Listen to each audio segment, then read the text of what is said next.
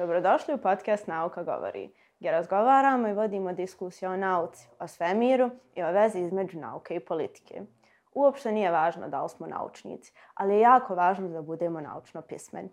Ove epizode smo napravili uz podršku ambasade Republike Njemačke u Bosni i Hercegovini. Uživajte!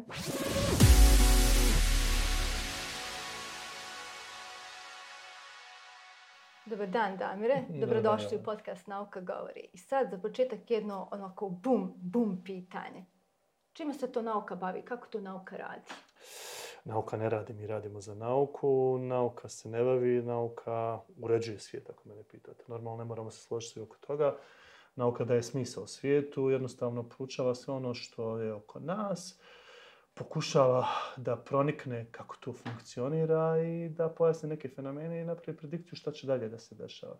A, nauka vam u biti nije nešto što uvijek nudi neke odgovore na sva moguća pitanja i najuspješniji naučni projekti i eksperimenti su oni koji nakon svega ostala ponudaju neki odgovor otvore deset novih pitanja. Eto, to je, to je prilike tako. Šta je to zapravo eksperiment? Eksperiment je ono što je neophodno da bi jedna činjenica postala naučna činjenica. Znate, velike razlike između činjenice i naučne činjenice i normalno velika razlika između hipoteze, polaznog mišljenja i onoga što ste naučno dokazali ili oborili. Znači, eksperiment je vaše oruđe da potvrdite da vaša preliminarna hipoteza je bila tačna ili nije bila tačna. Sad, jako je zanimljivo, posebno zadnjih dvije, tri godine, sve što se dešava oko nas velika, nadam se da smo uspjeli da ljudima utuvimo u glavu kolika je razlika između a, informacije i naučno potvrđene informacije. Da bi vi imali nešto naučno potvrđeno, morate uraditi eksperiment.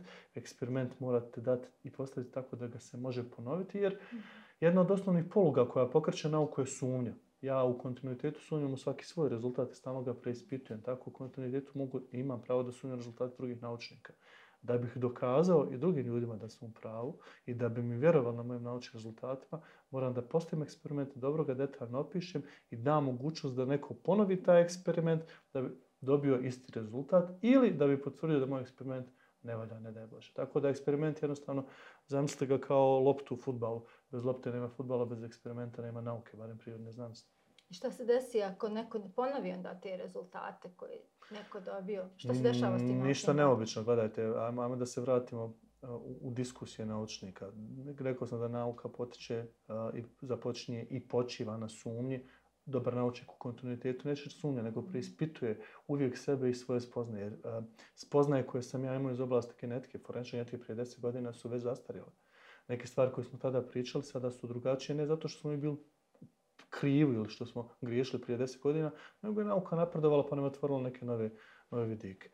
A, koncept, ako ja nešto kažem da je dobiveno nekim eksperimentom, pa pet ljudi ponovi taj eksperiment a, i ne dobije te rezultate, a, a ili ja lažem, b ili eksperiment nije bio dobro postavljen, c ili se ja ne bavim naukom, nego pseudonaukom. Šta se tu radi, šta se tu gleda i šta su to haplotipi? Ajde krenemo iz početka. Znači, a, najljepša priča i najdetaljnija i najtačnija priča o evoluciji čovjeka, o, o postanku svog živog svijeta na planeti Zemlji napisane u svakoj vašoj ćeli, u svakom vašem genomu, a bez obzira podijelimo ga na dva dijela, jezgro i mitohondrijalna DNK. Tu su zapisane sve te divne stvari koje mi još uvijek, nažalost, ne znamo čitati. I prije nekih 20 kusur godina, kada je malo započeto zbitni koncept Human Genome Projecta, onda se došlo do toga da smo shvatili da nemamo stotine hiljada gena, nego mnogo manje. Onda smo došli do toga da neki dijelovi DNK, koji smo prizvali junk DNA, koji nisu smeće. geni, tako zvali smo smeće. Znate zašto smo zvali smeće? Jer smo poprilično kao vrsta antropocentrični, egoistični. To znači da sve što ne razumijemo, kažemo, nema funkciju. Znači, to ono što ne razumijem, to je smeće. Tad nismo to razumeli. U stvari, sad se ispostavilo da u stvari bazen evolucije genoma je najčešće sadržan u tome nekodirajućem dijelu DNK koji su nekad zvali junk DNA. E sad upravo analiza tog primarno nekodirajućeg dijela DNK, posebno na nekim specifičnim hromosomom, kakav Y hromosom uistinu jeste, bila je zanimljiva da se pokuša napraviti, sad malo zvuči paradoksalno, šizofrenčari, predikcija prošlosti.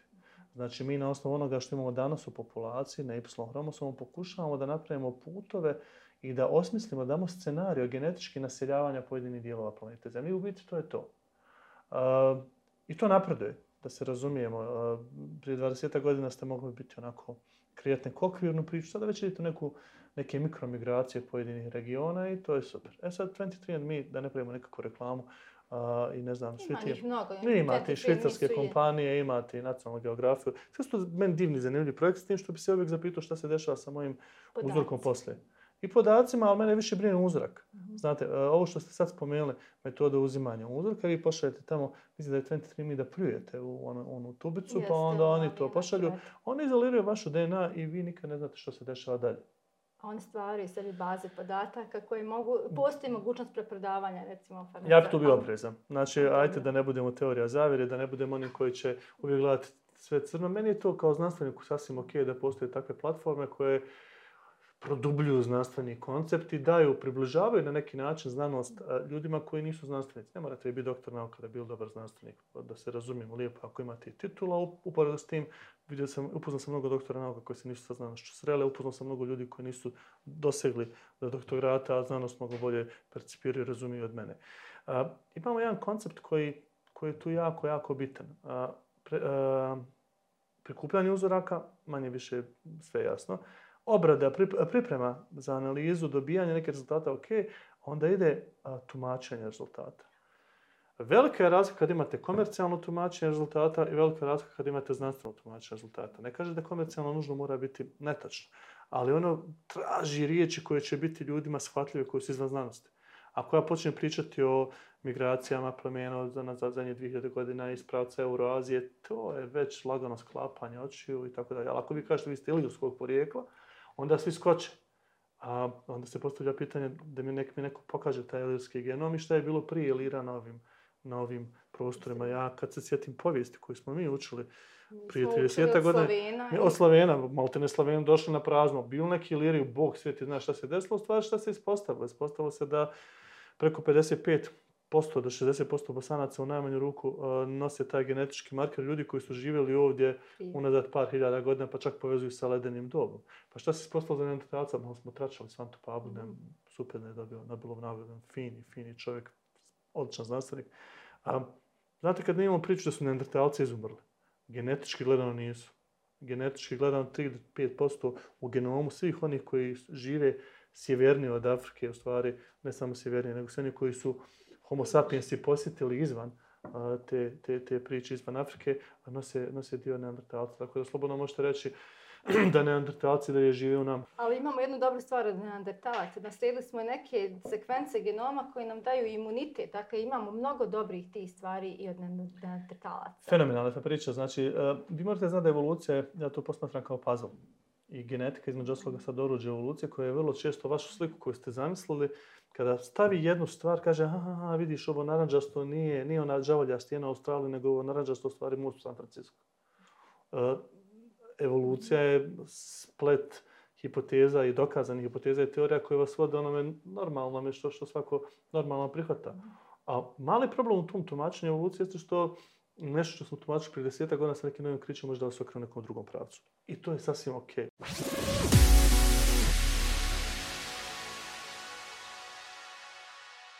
GMO je jedan pojam koji se često može čuti danas u ishrani, u, u određenim industrijama drugim. Možete li nam pojasniti samo šta to znači? A, genetički modificiranim organizmima govorimo od 90. godina prošlog vijeka. Znači sa tehnologijom rekombinantne DNK koja je tada rudimentarno razvijena, a u međuvremenu jako uznapredovala, stekli su se uslovi da se genetički materijal sintetski ili transponovan iz drugih organizama ugradi u novi organizam i da se ta genetička informacija realizira. Kao sam termin genetički modificirani organizm je u Europskoj uniji, u Bosni i Hercegovini također, zakonski definisan. Znači, definiciju genetički modificiranog organizma možemo i moramo preuzeti iz zakona jer je čitavo to polje na taj način rekursano pa bi to bili organizmi koji su nastali na način kakav se ne susreće u prirodi. Dakle, pojednostavljena definicija. Um, u donošenju tih pravnih akata, pored naučnika koji su bili uključeni, naravno bili su uključeni i e, stručnjaci iz raznih drugih oblasti i razni drugi interesi su, našli svoje mjesto u, u tom zakonu. Tako da iako je definicija takva kakva jeste, e, nauka se u međuvremenu upoznavala sa nekakvim drugim pojavama, pa je recimo poznato e, danas da čak i između insekata i biljaka na kojima oni e, obitavaju dolazi do razmjene genetičkog materijala, ali na sasvim prirodan način. Mhm. E, genetički modificirani organizmi su ušli u nekakvu žižu sa e, uvođenjem te metodologije u izmjenu e, namirnica, odnosno u izmjenu usjeva. E, Pretpostavljam da je generalno poznato da je prvi genetički modificirani organizam koji je dobio dozvolu za izlazak na tržište bio Paradise, onaj legendarni flavor saver, tako da sad kad upišete GMO dobijete slike Paradise sa izbodenog špricama i tako dalje. Naravno, to ne funkcioniše na taj način. Ovaj, ali to jeste bio prvi e, genetički modificirani organizam ili transgen, kako ih mi još nazivamo. Um, međutim, iz nekog razloga jednostavno nije bilo interesa za komercijalizaciju. E, namjena te modifikacije jeste bila da paradajz ostane duže na stabici, da e, dozrije do okusa i arome, pa i nutritivnih vrijednosti kakve povezujemo sa paradajzom, a da istovremeno očuva čvrstoću duže vremena, odnosno kako bi podnio, lakše podnio transport. Ta komercijalizacija nije išla onako baš kako se planiralo, bila je to novina, sve je jako dugo trajalo, kompanija je financijski iscrpljena. E, onda se ta metoda primijenila na nešto drugo, a to su a, primarni usjevi. U najvećoj mjeri soje, kukuruza, pamuka i kasnije uljene repice. Znači, to su četiri primarne kulture koje imaju svoje transgene a, forme koje se na velikim površinama uzgajaju širom svijeta. Zašto baš te četiri kulture? E, zato što se uzgajaju na velikim površinama, zato što se e, uzga, nastoje uzgojiti uz što, manji, što manje troškove, a vjerovali ili ne, najveći trošak i dalje je ljudsko, ljudstvo, odnosno radna snaga. E, Znači, jedna osoba e, uz pomoć e, kombajna, uz pomoć traktora, uz pomoć većih mašina e, može obrađivati samostalno velike, velike površine soje. Preduslov jeste da se ta soja ponaša na tačno određeni način. U odnosu na patogene, u odnosu na herbicide, u odnosu na insekte e, i to je ono što je transgeneza omogućila.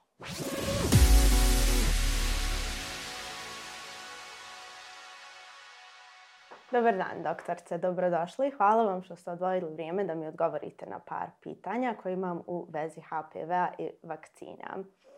E, Za početak, htjela bih vam postaviti pitanje šta je to u stvari HPV i zašto je on opasan? E, HPV virus je virus znači, za koje je jedino utvrđeno, znači čovjek je dobio Nobelovu nagradu za to otkriće da HPV virus izaziva karcinom. Znači, kada se ćelija zarazi HPV virusom u određenom nekom periodu koji nastupa iza toga, kod određenog broja osoba može doći do pretvaranja znači, te inficirane ćelije u karcinomsku ćeliju. Ne, neće se to desiti kod svakoga. Mhm. Znači, nekih 30 do 60% ljudi će to da preboli, znači da ovaj, uništi taj virus svojim imunim sistemom. Međutim, kod ostatka će se desiti da dođe do stvaranja prvo prekanceroza, a kasnije i do kancera.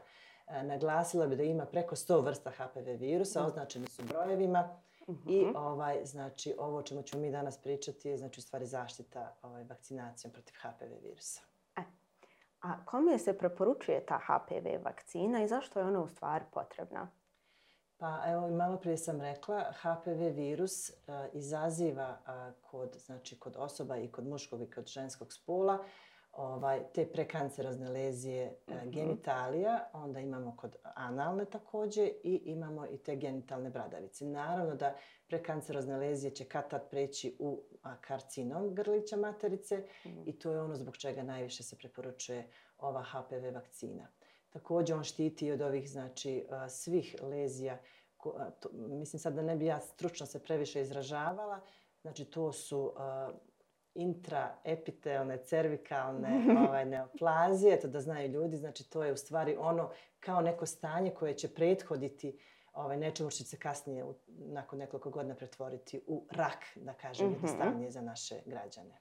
e, što znači da i muške i ženske osobe se mogu zaraziti HPV virusom. jel Tako je, znači svaka osoba koja je ovaj, nikad nije došla u kontakt s HPV virusom, onog momenta kad uđe u kontakt, ona će je prenositi svakom svom budućem partneru. Mhm.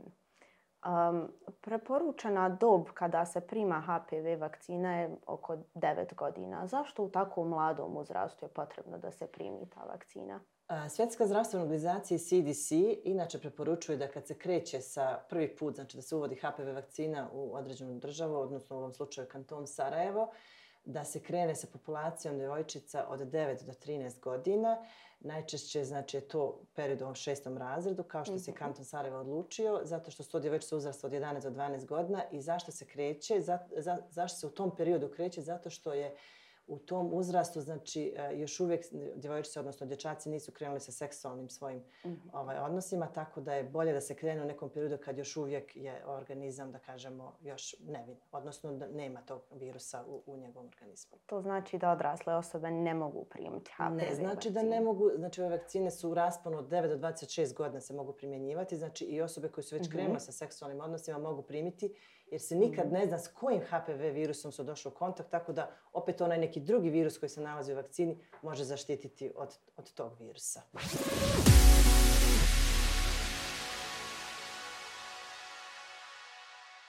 Ana, kakav je tvoj pogled na današnje mentalno zdravlje mladih?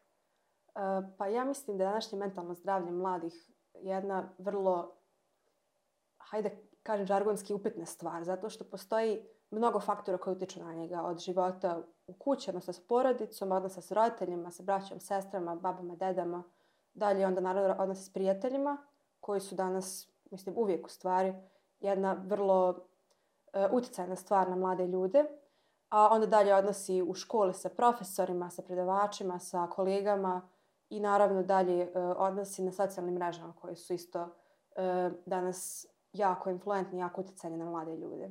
Tako da postoji mnogo faktora koji utječu na, na, na zdravlje mladih, ali e, mislim da, da su danas mladi mnogo svjesniji svog mentalnog zdravlja u odnosu na tipa prije 50 godina, kada je to bilo malo manje diskutovano. Moje prvo pitanje je kako mladi mogu prepoznati da imaju anksioznost ili neke teskobe i kako da znaju da im je zapravo potrebna pomoć? Mhm. Prvo bih voljela da u ovom podcastu nekako mladi znaju šta je anksioznost. Mhm. To je emocija uh, koja se dešava, koju sve jedan čovjek osjeća, sve jedna ljudska jedinka, ali se razlikujemo po tome koliko često nam se anksioznost pojavljuje i koji je njen intenzitet.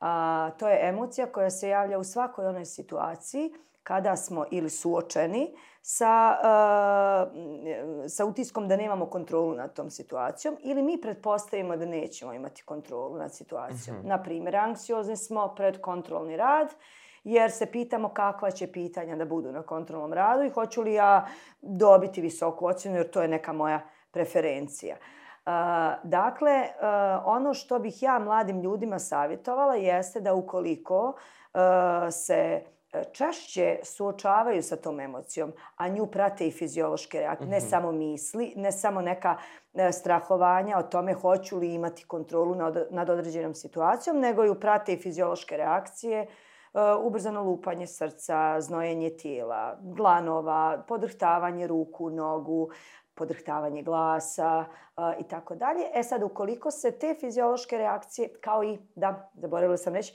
spazam mišića, nama kad smo Mhm. anksiozni i što su osobe češće anksiozne, imaju neki osjećaj kao da su im mišići kontinuirano u kontrakciji.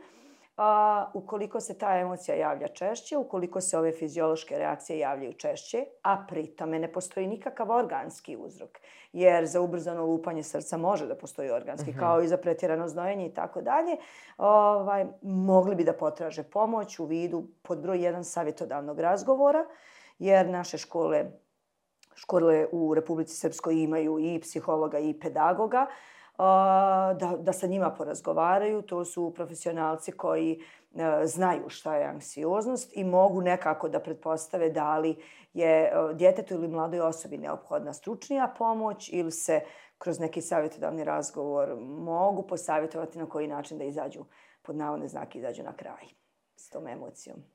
Da li mislite da mladi danas imaju više problema sa teskobama i depresijom nego što su imali prije? Hm. Odlično pitanje. E, Generalno, 21. vijek je, je mi kažemo vijek stresa. Mhm, Uh, Stresa kao nečega što predstavlja stanje ovaj, u koje ulazimo onda kada vidimo da, da su promjene unutar naše ovaj, e, sredine u kojoj živimo takve da mi svojim kapacitetima ne možemo da odgovorimo njima. Uh, I u stres ulazimo ukoliko smo jedno izvjesno vrijeme pod uticajem ovih emocija koje si nabrojao. E Mhm. sad, uh, onda samim tim možemo da zaključimo da jesu. Jesu, Da. jer su ubrzanije promjene. E, druga stvar što bih napomenula, što na primjer razlikuje neko vaše odrastanje od moga. O, Mhm. Vladoliko izgledam, ali imam dovoljno jeli, godina. Ovaj, to je što ste vi u stvari od, od kad otvorite oči bombardovani raznim informacijama. Otvorite oči, uzmete svoj telefon, Da, da. telefon hop, ili su neke poruke na društvenim mrežama, ili otvorite neki portal pa čitate. Znači, količina informacija koja vaš, u vaš saznajni sistem uđe je mnogo, mnogo veća nego što je bila nekad kad sam ja ustajala 90. godina i išla u gimnaziju. Ovaj, tako da je sigurno um, ovo sve što sam nabrojala dobar osnov da možemo da kažemo da pretpostavljamo da, da jeste. Znači, vi zapravo smatrate da je jedan od uzroka upravo to bombardovanje informacijama. Jedan od, tako je, zato što imamo, zato što smo izloženi velikoj količini informacija i druga stvar, izloženi smo uh, informacijama kojima, na primjer, moja generacija uh, nije bila Mhm. izložena, uh, kao, na primjer, evo sad ću da kažem, crne hronike. Uh, danas su se mediji uh, pretvorili u, u dominantne izvjestioce onoga što se, uh, što se loše dešava u svijetu. I vi prosto htjeli, ne htjeli, kad, kad otvorite neku društvenu mrežu ili otvorite neki portal, ne, ne morate vi, nekada sam ja morala otvoriti, znalo se tačno na kojoj stranici novina se Da. nalazi crna hronika i ja kad listam novine preskočim tu stranicu. Ali vi ne možete da preskočite, vama se prosto na, na ekranu pojavi i zakačite da, je, da se desilo nešto loše. O, tako da, da, da. Međutim, i, i ovaj, pored ovih um, uh, informacija koje su, jeli, koje, e, koje e, nose sa sobom e, podatke o tome da neko izgubio život, da se neko teško bolio i tako dalje, mi imamo i određen procenat štetnih informacija. Štetnih. Zašto? Zato što utiču na naše mentalno zdravlje ili utiču na naš razvoj. Na primjer, ja ću sad da, da navedem pornografske sajtove. Pornografski sajtovi su danas potpuno otvoreni, ne morate da ih plaćate. Uh, potpuno je normalno da se interesujemo za svoj seksualni razvoj. Nekada je bilo mnogo, mnogo teže djetetu i mladoj osobi da dođe u kontakt sa takvim sadržajima. Danas, je to, danas su to dva klika. Jel? Tako da ovaj, danas uh, su i djeca i mladi uh, pod uticajem informacija i koje žele da saznaju i koje ne žele da saznaju i koje su korisne za njih i koje nisu. Ali nemate dovoljno, ako vas mi odrasli ne učimo kako da pravite izbor, vi nemate e, kapacitet, nemate resurse kojima biste mogli da odgovorite na to i da kažete aha, ovo neću da čitam Mhm. ili ovo neću da slušam. Uh, Kada smo već na temi medija, uh, u posljednje vrijeme se na društvenim medijama kao što su Instagram i TikTok, uh, mladi i tinejdžeri, oni se često sada pokazuju u nekom svjetlu kao da su uh, njima na neki način uh, nasilnici pomogli u njihovom razvoju, da li to bilo fizičkom ili psihičkom i da li mislite da je to na neki način neki njihov odbrambeni mehanizam uh, ili je to jednostavno romantizacija mentalnih bolesti? O, baš, baš dobro pitanje, da. E, pa svašta može da bude uzrok. Ja bih mogla da kažem sljedeće. Neko ko je bio žrtva nečijeg nasilja bi možda imao uredan život. Mhm. Potis- Potiče iz funkcionalne porodice, nekako mu je razvoj išao kako treba i onda je naišla osoba koja se neadekvatno ponašala prema njoj ili njemu. Jel? A, zašto ta osoba zahvaljuje a, a, svome nasilniku da mu je pomogla da ojača. Da. Ne znam, morali bismo sa njom da porazgovaramo, Mhm. zato što ukoliko polazimo od pretpostavke da je imala a, neki um, uredan život, atek, adekvatan razvoj, ja kao psiholog ne bih sumnjala u to da bi se ta osoba zaista suštinski razvila u zdravu, zdravu zrelu odraslu osobu. Međutim, postoji određen procenat djece i mladih koji nisu imali tu priliku da odrastaju s funkcionalnim porodicama i tako dalje, koji su imali određene ovaj, probleme, neke borbe ovaj, sa, sa, sa mentalnim zdravljem i koji su sad mi je teško reći zahvaljujući, ali zbog toga što im se desilo ovaj nasilje došli u, u ruke stručnjaka koji su im pomogli da, da ovaj da izađu ovaj, negdje na pravi put, da ojačaju, da razviju tu otpornost kada je mentalno zdravlje u pitanju koju zovemo rezilijentnost. I ovo mi je važno negdje da imate ovaj na umu kako god fizičko zdravlje ima svoj imunitet kojeg ojačavamo različi, na različite načine pravilnom ishranom, održavanjem ono, higijene, ovaj, vježbom, tako i mentalno zdravlje ima svoj imunitet kojeg zovemo otpornost ili rezilijentnost. Tako da um, moguće i da na, na, na neki način imate onih osoba koji pokušavaju da u svakom zlu pronađu nešto dobro mm -hmm. i da na neki način kažu ok i ne zadržavaju se u prošlosti. E, ne idu na ono da se stalno vraćaju na te traumatske događaje, nego su sa profesionalcima obradili svoju traumu, idu dalje, osjećaju se jače, negdje imaju, možda žele da daju podršku nekim osobama mladim koji su trenutno pod uticajem nasilja, da potraže pomoć. Znači, različiti su, jeli? A, spomenuli ste tu otpornost. E, neki tinejdžeri i mladi, on, oni imaju poteškoće da stvori e, takvu, takav tip otpornosti. E, I često spominju da imaju neke crne misli. Mm -hmm. Da li možete objasniti bolje šta su one zapravo? Aha. Pa, u radu sa djecom i mladima mm -hmm. i ja čujem te, tu terminologiju crnih misli. Ono što moji klijenti govore, to su upravo ovaj, neke destruktivne misli uh, i autodestruktivne misli. Znači, to su uh, misli koje, kojima u stvari oni negdje promišljajući u smislu svoga života o stvarima kojim, o stvarima kojim se dešavaju u njihovom životu, uh, razmišljaju upravo o tome koliko je vrijedno živjeti život, koliko uh, su zaštićeni, kako mogu sebi da pomognu ako ne mogu, ako zaključe da ne mogu, ko može i tako dalje. Ali te crne misli su stvari misli koje njih opterećuju. Jel? Uh, ali kad smo kod otpornosti, uh, koja je vezana za mentalno zdravlje, um, ona se, nju mlade, nju djeca i mlade osobe ne mogu samostalno da razviju. Oni moraju da imaju podršku nas odraslih. Pod broj jedan porodice, kasnije, da kažem, profesionalaca u vaspitno-obrazovnom sistemu,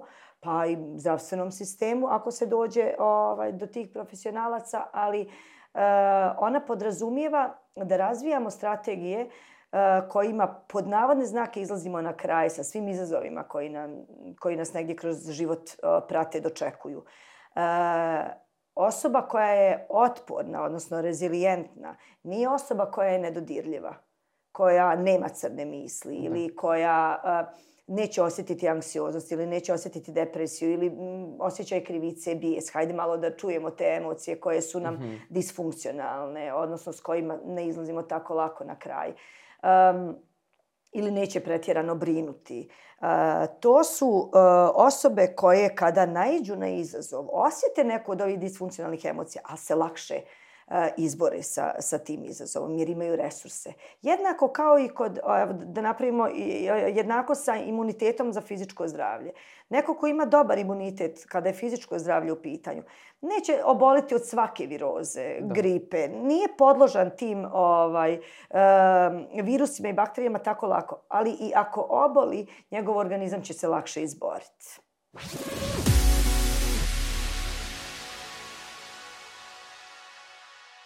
O položaju žena u nauci, kako se da, gdje danas žene stoje u odnosu na tipa prije 100-200 godina, kakav je današnji položaj žena? Mhm. Hvala vam na pozivu, jer drago mi je da se uopšte priča o nauci, primjetno je današnjim medijima da tih sadržaja zapravo sve manje. Kada je riječ o ženama u nauci, e, dakle, dovoljno je da idemo u neke istorijske preglede, mada su oni uvijek obimni, ali oni nam pokazuju da naprosto e, žene nisu imale pravo da se obrazuju, a samim tim očekivano nisu mogle da u, ovaj, i učestvuju u razvoju nauke. Naravno, postojale su rijetke žene, E, koje su sticajem životnih okolnosti ili pripadnost aristokratskoj klasi ili ne, neke slične mogućnosti su im dozvolile da ovaj, one učestvuju u nauci, ali one su zapravo e, nešto što predstavlja izuzetak. A samo obrazovanje žena, posebno uh, vezano za univerzitete, ide od sredine 19. vijeka. -hmm. Tako da mislim da je to dovoljno uh, objašnjenje zašto zapravo još uvijek danas govorimo o disbalansu, o rodnom disbalansu u nauci. Dakle, naravno, kroz ovih 150 godina ovaj, od razvoja feminističkog pokreta. Radilo se na tome, žene su se borile za svoja prava, ali to još uvijek nije dovoljno što vidimo i u naučnoj zajednici. Znači, kažete od sredine 19. vijeka, znači to je sad već nekih 150 godina mm. otprilike, mm. što je poprilično, makar ovako iz neke moje perspektive, dugo vremena. Danas, znači, apsolutno ima više žena u nauci. Zašto one još uvijek nisu toliko vidljive kao muškarci, na primjer? Koji je imao neki razlog za to? Mm. Pazite, za istoriju nije dugo. Tih 150 da. godina dolazi na one hiljade godina prije toga kad žene uopšte nisu ovaj, učestovale. E, dakle, mi imamo negdje sredinom 20. vijeka da zapravo se e, ovaj, može vidjeti povećan broj žena na fakultetima tek od 70. 71. imate program kao što je Gender Studies. Dakle, mm -hmm. otac se kao akademska oblast uvodi uh, rodne i feminističke uh, teorije. I tek kad su žene prvo dostigle da mogu doći na univerzitet i onaj moment kad ih je bio veći broj, bilo je moguće da pokrenu i ove teme. Dakle, na početku su se jednostavno borile protiv predrasuda i stereotipa. Zamislite kako je bilo biti prva žena među sto mhm. muškaraca, gdje još dobar dio njih zapravo vjeruje da žena nema ovaj, e, dovoljno pameti, da tako mhm. kažemo, da se bavi istim stvarima. To je bilo skandal.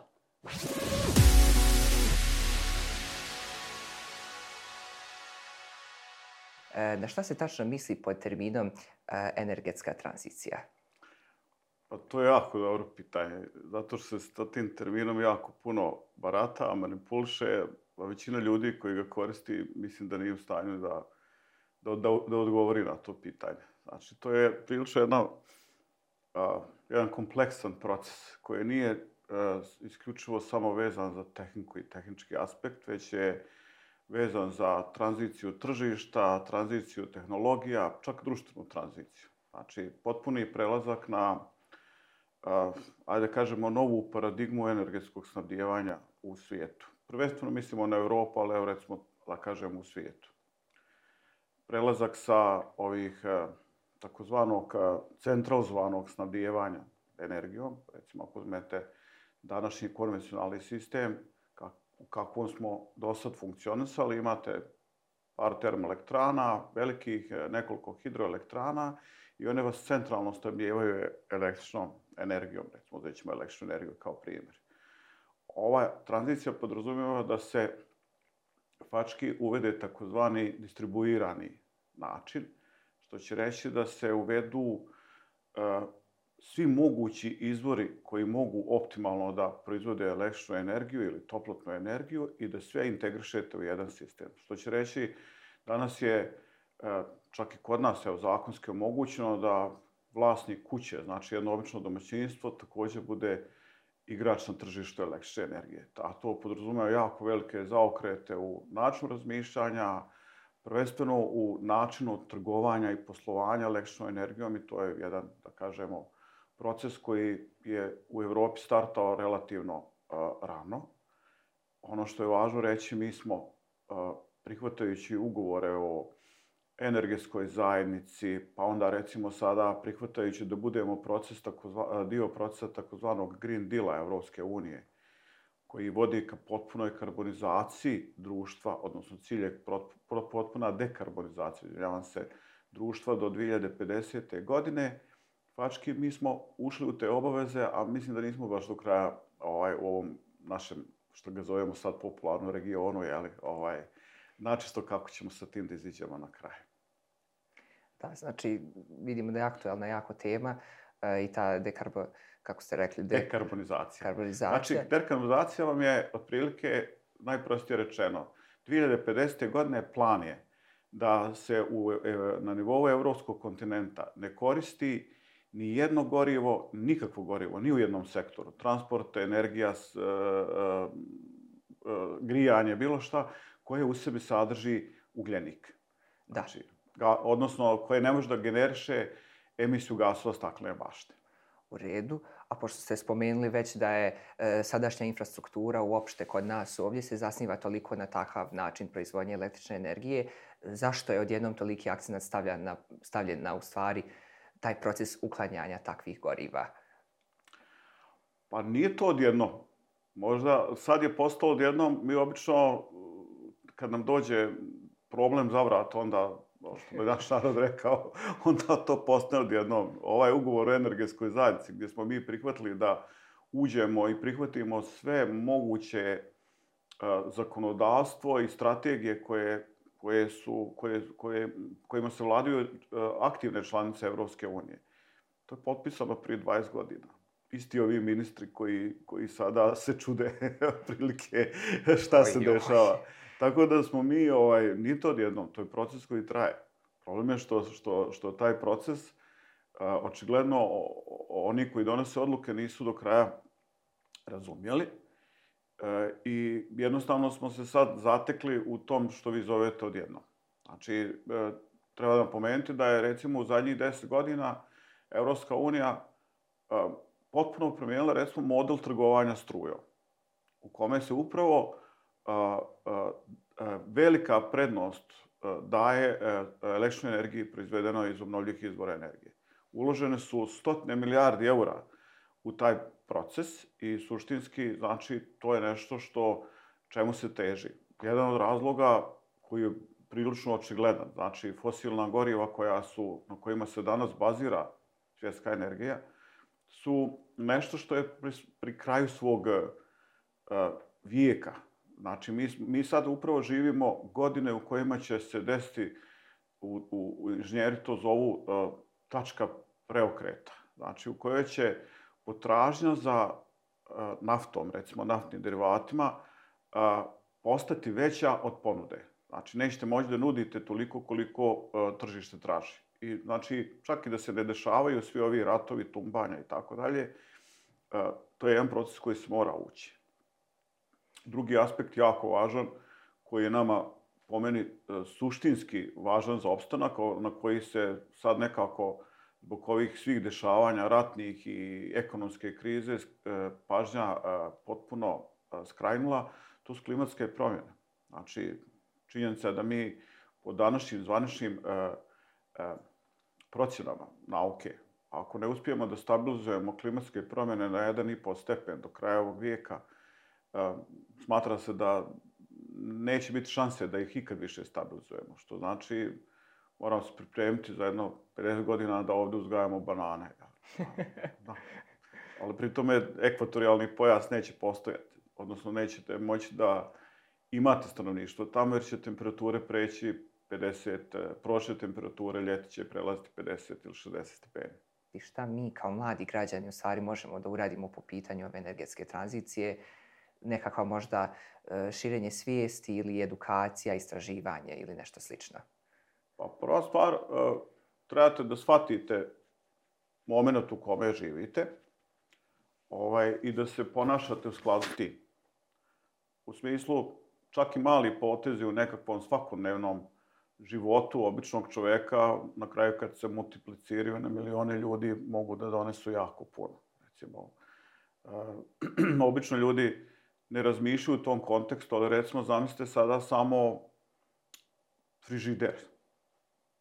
Zamislite sada koliko domaćinstava u, u Evropi ima frižider, uključujući nas ovdje. Pričamo o stotinama miliona frižidera. Znači, dovoljno je samo pravilno koristiti tako nešto ili, ili u sljedećoj generaciji kupovati frižider sa višom energetskom klasom, imati svijest o tome da to treba da uradite, vi ćete recimo samim tim eliminisati potrebu da izgradite 10 termoelektrana na ugalj ili nuklearku ili tako nešto. Druga stvar, što tiče mladih, trebate biti informisani, ne trebate se ponašati da su ovo stvari koje se vas ne tiču da je ovo kao stvar odraslih nekakvih ljudi. Ovo je svijet koji vi preuzmate poslije nas.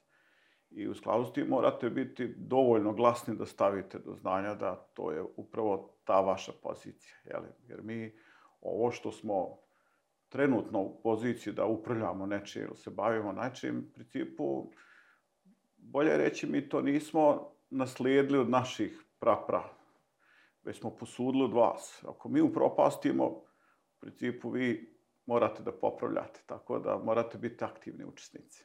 A kao što smo rekli, ne trebamo ni puste ispije požara, ne da ga Tako je, gasimo. tako je.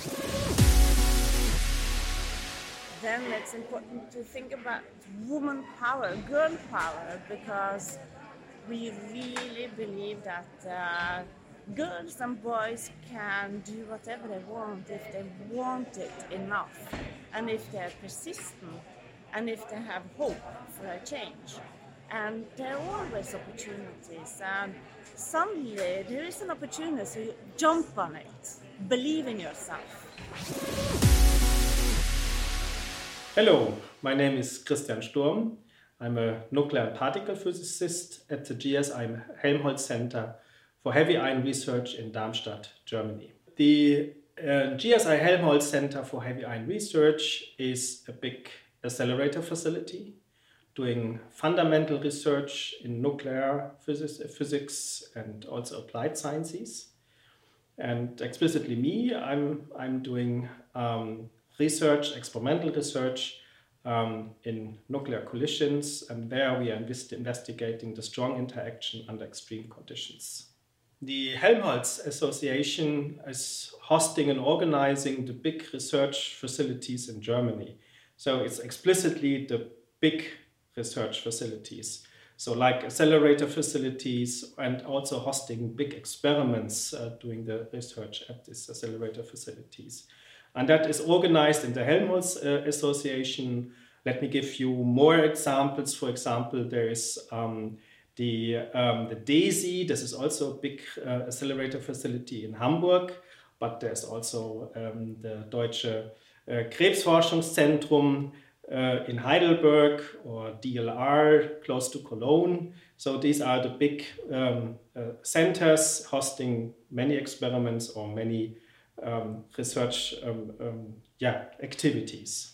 This non-university um, research opportunities in Germany is not only the Helmholtz, as I mentioned before, this is for the big, um, large-scale facilities, also a lot of opportunities, for example, for the Max Planck Association uh, or institutes um, um, organized the Fraunhofer or Leibniz Association.